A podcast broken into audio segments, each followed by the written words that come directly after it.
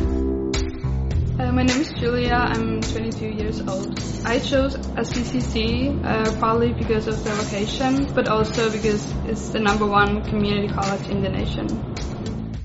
Um, Santa Barbara has a long history of welcoming international students to our campus community.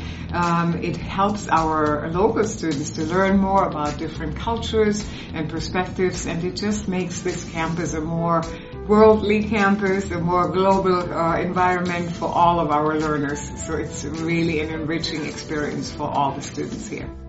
My name's Shelby Arthur and I'm an international student advisor at Santa Barbara City College. We help you adjust to life at Santa Barbara City College. If you have a question, we can help you find the answer and make sure that your time at SBCC goes according to your plans.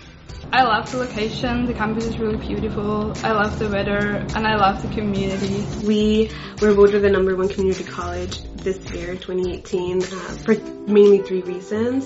Affordability, quality, and reputation. So I think that international students um, get a great experience, great education and half the price.